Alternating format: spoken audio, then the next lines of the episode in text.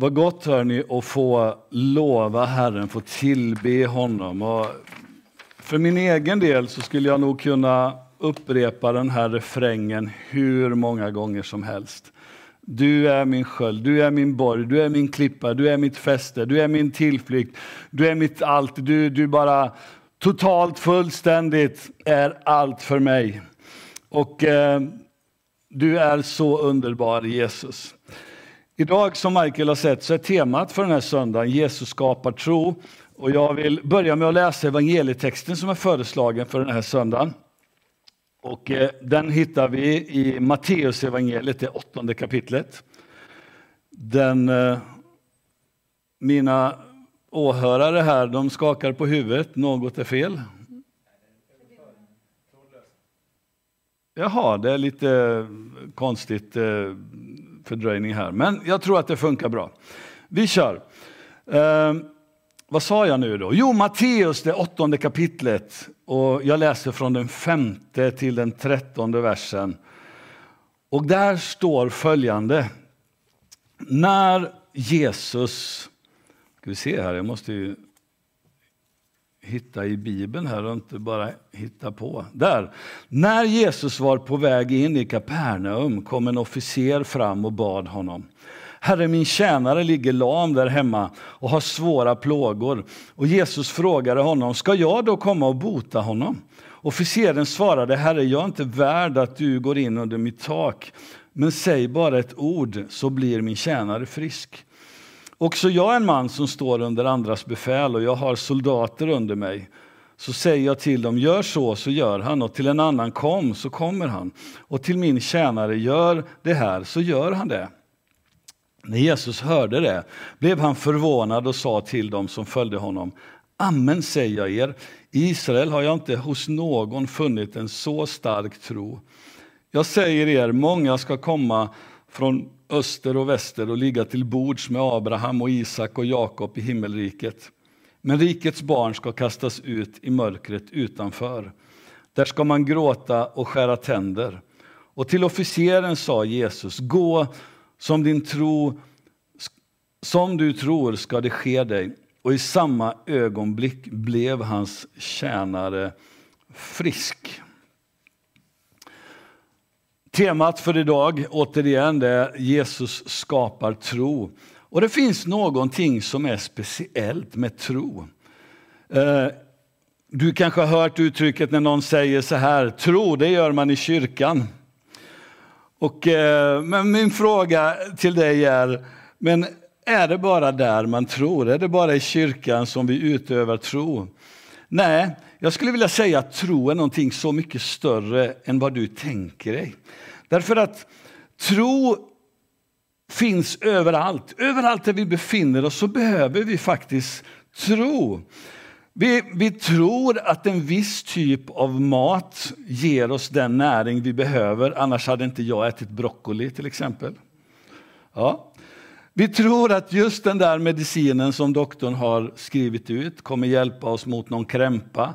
Vi tror att bilisterna de eh, följer reglerna när vi kommer fram till korsningen. Det lyser grönt på de där, i den där lampan och så kör vi bara rakt fram i tro om att de andra kommer stanna.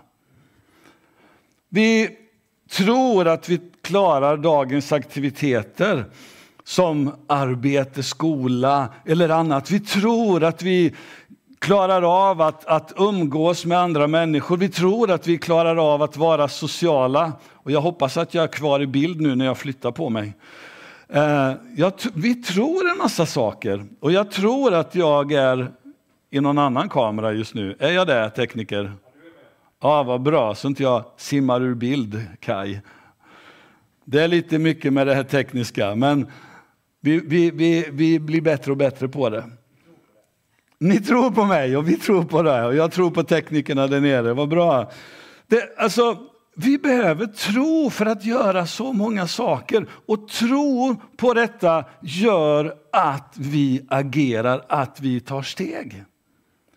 Tro är inte en diffus konstig sak, tro är inte bara ett konstigt moln, tro är inte någonting som vi läser om i Bibeln och så bara Åh, ge mig mer tro, hoppas jag kan tro mer. Utan tro är någonting som föds på insidan av oss, det ges till oss därför att vi hör någonting som, som stärker våra liv. Och i, i, många, I många lägen, inte minst i sportsammanhang och så vidare, så, så här, du måste tro på dig själv. Du måste liksom bli Be more self-confident. Du måste, liksom, du klarar det, kom igen, du klarar det.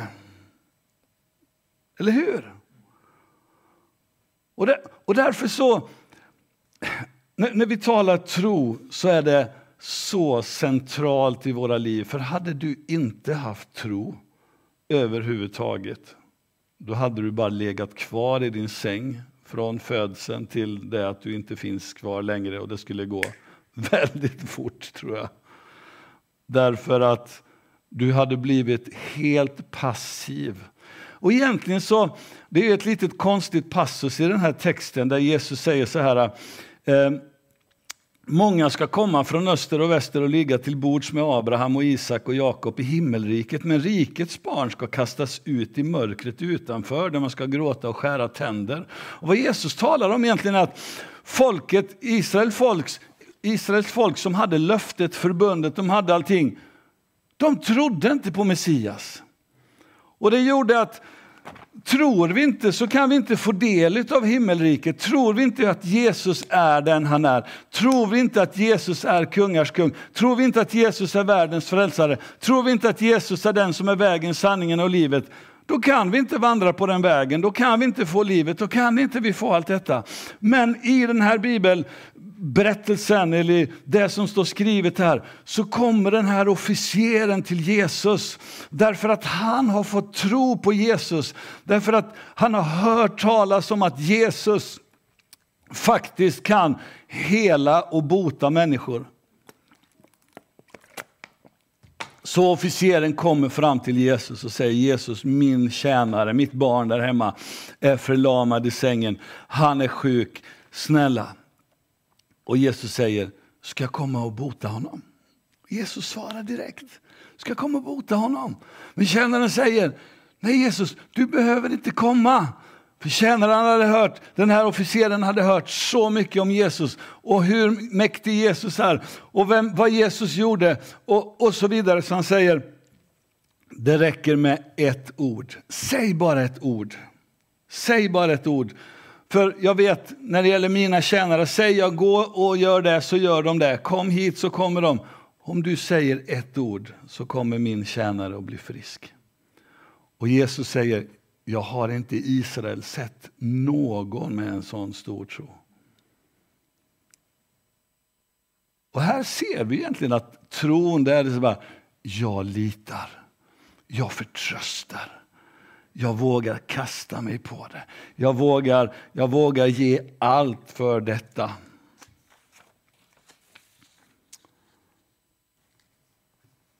Det finns ett sammanhang till jag, jag vill bara lyfta som exempel där, där Jesus skapar tro, ger tro, precis som, som överskriften för idag säger. Och det är ett sammanhang vi hittar i Matteus, det 14 kapitlet. Jag, jag ska inte läsa det för dig, men i Matteus 14, och jag behöver dricka vatten, mycket vatten tror jag. Jag har varit helt torr i munnen. Mm, passa på, ta en klunk där hemma också. Kaffe eller vad du har. I Matteus 14 så har Jesus bespisat 5 000 män förutom kvinnor och barn. Alltså lärjungarna har varit med om brödundret. Och kan du tänka dig att utifrån några få bröd och några fiskar som man förde fram till Jesus så tackade Jesus för det. Och eh, det hände ett mirakel så att det här brödet och de här fiskarna de räckte till alla. Och det står att alla blev mätta och det blev till och med mat över. När de har tillbringat hela den där dagen så säger Jesus till sina lärjungar, kliv in i båten, far över på andra sidan i förväg, jag kommer sen. Och medan han liksom tar farväl av folket, jag vet inte om han morsade på alla, jag tror inte det, 5 000 plus män plus kvinnor och barn. Men när Jesus tog farväl av folket så var lärjungarna på väg. Och sen går Jesus undan till en öde plats för att be, för att umgås med sin far. Och sen blir det ju natt. Och I Matteus 14 kan man läsa att lärjungarna är i båten och de är ansatta av en hård vind, de har motvind. Och i slutet på natten, eller den fjärde nattväkten, alltså precis innan det blir gryningen, när den är som mörkast, så ser de en fruktansvärd syn.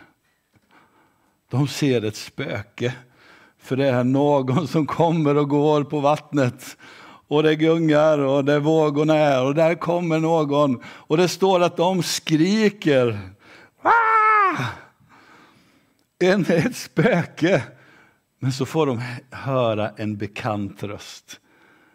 Där någon säger så här, var inte rädda, det är jag.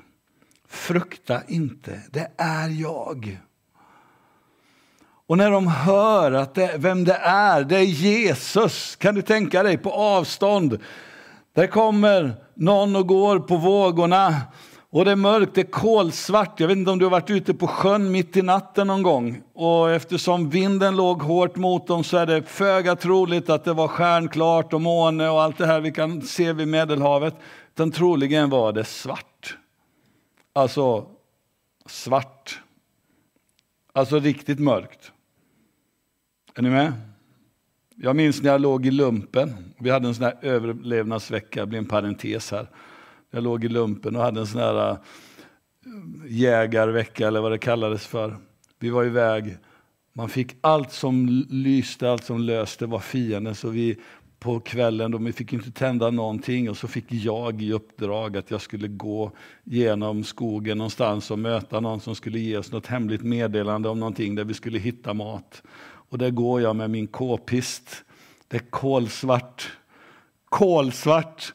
Jag hade övat upp något visst mörkerseende, men det gick jag. Och enar och buskar och ljud och allt vad det var som fanns runt omkring. Det var precis som att det rörde sig och trots att jag bara hade lösa skott i den där k-pisten så hade jag den osäkrad. det får man inte ha. Ja, men du vet, hjärtat bultar. Och lärjungarna de befinner sig mitt i natten, mitt i mörkret, mitt i havet. Men de hör den här rösten, det är jag, frukta inte. Och vet ni vad Petrus säger? Den här killen som, som han skulle alltid vara först. Herre, om det är du, säg att jag också ska, att jag ska komma till dig på vattnet. Och Jesus säger, Det var någon som svarade här, det kan inte du höra det hemma. Kom, säger Jesus. Och kan ni fatta Petrus, han måste liksom upp med benet över relingen, sätta ner foten på vattnet och så gå iväg. Ja men säger du, han sjönk ju Petrus. Ja men snälla någon, vad negativ du är. Karn gick på vatten. Karn gick i tro och när han sjönk, visst gjorde han det, för han tvivlade mitt i allting, men när han sjönk, vet du vad Jesus gör då? Genast sträcker han ut armen och drar upp dem och så förebrår han Petrus och säger, varför hade du så lite tro? Varför litar du inte mer? Men poängen är att Jesus skapar tro. När du får skåda in i Jesu ögon, när du får höra berättelse efter berättelse i boken. Där Jesus faktiskt berör, där Jesus han, han, han förändrar, han helar, han botar, han, han styrker, han, han, han, han, han uppmuntrar, han upprättar, han förlåter. Han renar. Han gör det som är trasigt helt. Han håller sitt löfte. När du får läsa om det, vet du vad som händer då? Det skapar tro. Och då vill du göra precis så som den här officeren gjorde. Du vill göra precis som Petrus gjorde. Om det är du, Herre. Jag vill, jag vill få bli berörd av dig. Jag vill gå tillsammans med dig. Och det här är på riktigt. Det här är på riktigt. Jag har under de här senaste veckorna och månaderna haft kontakt med en ung man i Peru. Vi har ju varit missionärer där, Ingalill och jag, tidigare. Och eh, jag har många kontakter där och det är en man som har skrivit till mig. Och det har varit en följetong där hans pappa blev sjuk i covid, allvarligt sjuk. Och han skriver, hjälp mig att be. Pastor Ruben, hjälp mig att be, så har vi bett. Hans syster har varit dålig, hans svåger har varit dålig, hans, hans eh, kusin har varit dålig. Och nu är det hans mamma som är dålig. Och det sista jag fick av honom var här i förrgår. Då skrev han, pastor Ruben, och så här, massa utropstecken. Var med, hjälp mig att be. Och sen försökte han ringa, men jag kunde inte svara då. Och sen när jag svarade honom så sa han, Åh, tack för att du är med. Jag tror att Gud, eller att Jesus förändrar den här situationen. För Jesus har faktiskt varit med i alla de här olika lägena när familjen, familjemedlemmarna har varit dåliga. Och Peru är ett av de mest drabbade länderna i världen i covid. Men vad är det som gör att den här mannen gång efter annan kastar sig på Jesus? Jo, därför att Jesus har skapat tro i honom. Han har sett, han har fått smaka och han kommer igen och igen. Så jag vill bara avsluta min predikan och säga till dig att jag vet inte vilken situation som du befinner dig i. Jag vet inte vad du står i idag. Är jag för nära, för långt bort här eller? Är det bra? Jag vet inte vad du står i för situation idag, men en sak som vill jag säga till dig. Vänd dig till Jesus. Det finns inga omöjliga situationer. Jesus säger att det som är omöjligt för människor, det är möjligt för Gud. Och så säger han också, allt förmår den som tror. Allt förmår.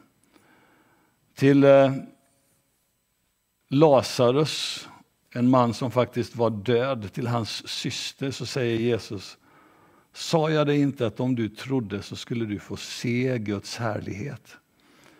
Och jag vill bara ge dig de orden. Sa jag det inte att om du trodde så skulle du få se Guds härlighet?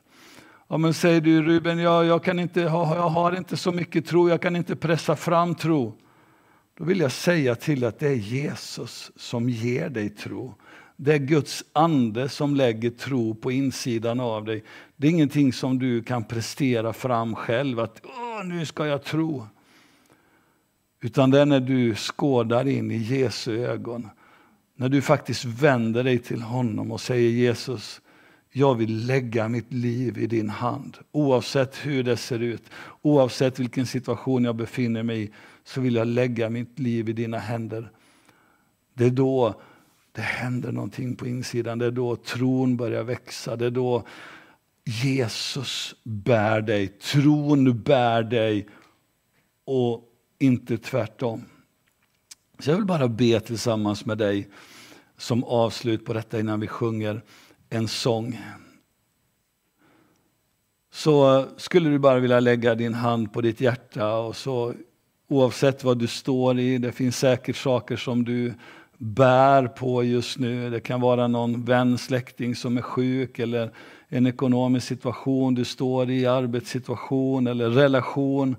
Saker som som du mänskligt sett inte kan se en naturlig lösning på.